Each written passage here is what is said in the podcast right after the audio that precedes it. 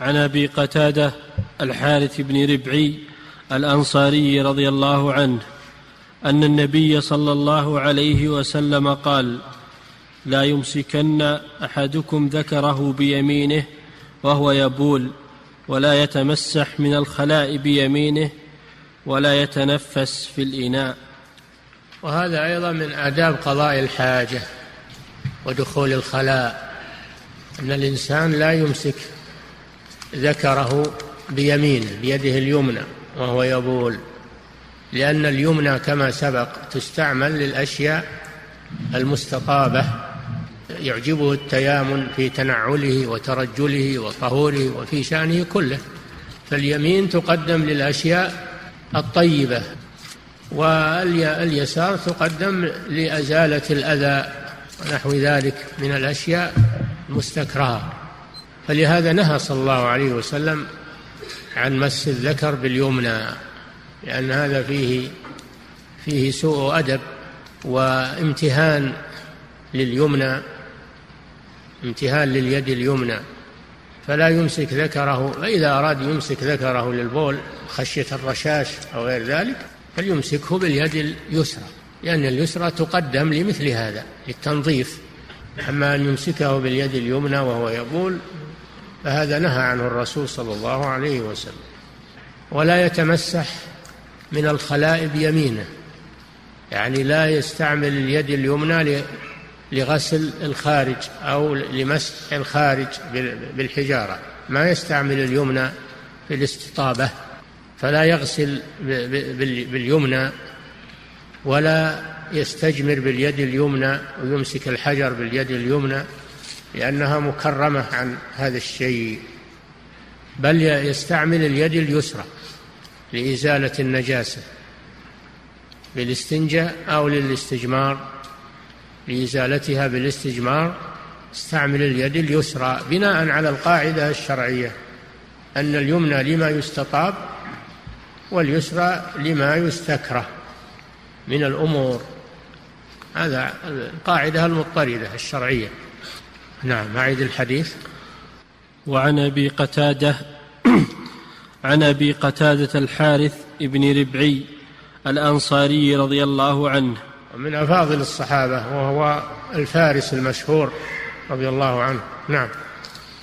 أن النبي صلى الله عليه وسلم قال لا يمسكن أحدكم ذكره بيمينه وهو يبول. نعم. ولا يتمسح من الخلاء بيمينه. ولا يتمسح من الخلاء بيمينه يعني لا يستنجي بها ولا يستجمر بها. والخلاء المراد به البول أو الغائط. عبر عنه بالخلاء من باب الكناية من باب الكناية لأن قاعدة الشرع أنه لا لا يذكر الألفاظ المستكرهة وإنما يعبر عنها بالكناية. هذا من أدب الخطاب. نعم. ولا يتنفس في الإناء. ثلاث مسائل. الأولى لا يمسك ذكره بيمينه وهو يبول. بل إنهم قالوا لا يمسك ذكره بيمينه مطلقا في حالة البول وغيره. لا يمسك ذكره بيمينه مطلقا. ولكن لما كان الغالب على الناس إنهم يمسكون الذكر حالة التبول نهاه الرسول عن ذلك باليمين.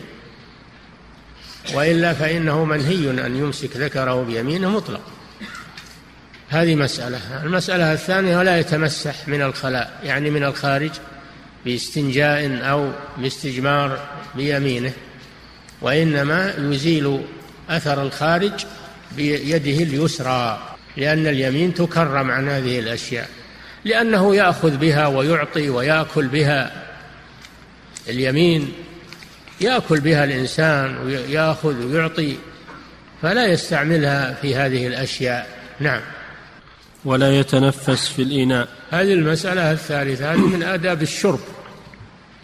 هذه من آداب الشرب. فبابها في الأطعمة والأشربة. ولكن لما كانت من ألفاظ الحديث جاء بها هنا فالمسلم إذا شرب لبنا أو ماء أو مرقا أو غير ذلك من المشروبات. وأراد أن يتنفس فإنه لا يتنفس في الإناء لأن ذلك يكرهه على الآخرين ولأنه قد يخرج مع نفسه شيء من الأشياء المستقذرة أو من شيء من المرض. فيؤثر في الإناء يؤثر في الإناء ويؤثر في الشراب بل يتنفس خارج الإناء. هذا من آداب الشرب. نعم. حتى قالوا أيضا إنه ما ينفخ في الطعام. ما ينفخ في الطعام وإنما يبرد الطعام بوسائل غير النفخ لأن هذا مثل الشرب. إذا نفخ فيه يقدره على الناس. فيبرده بالأشياء غير غير النفخ فيه. استثنوا الشيء الحار. إذا بغت تشرب شاهي ولا قهوة حارة استثنوا هذا. قالوا لا بأس أن ينفخ فيه للحاجة. ينفخ فيه للحاجة لأنه حار.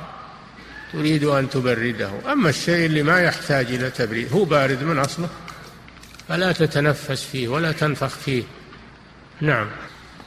فضيلة الشيخ يقول السائل هل النهي عن مس الذكر باليمين يقتضي التحريم؟ وكيف يفعل من لا يحسن استخدام يده اليسرى في ذلك؟ ظاهر النهي التحريم نعم. ظاهر النهي التحريم إلا إذا دل دليل على الكراهة.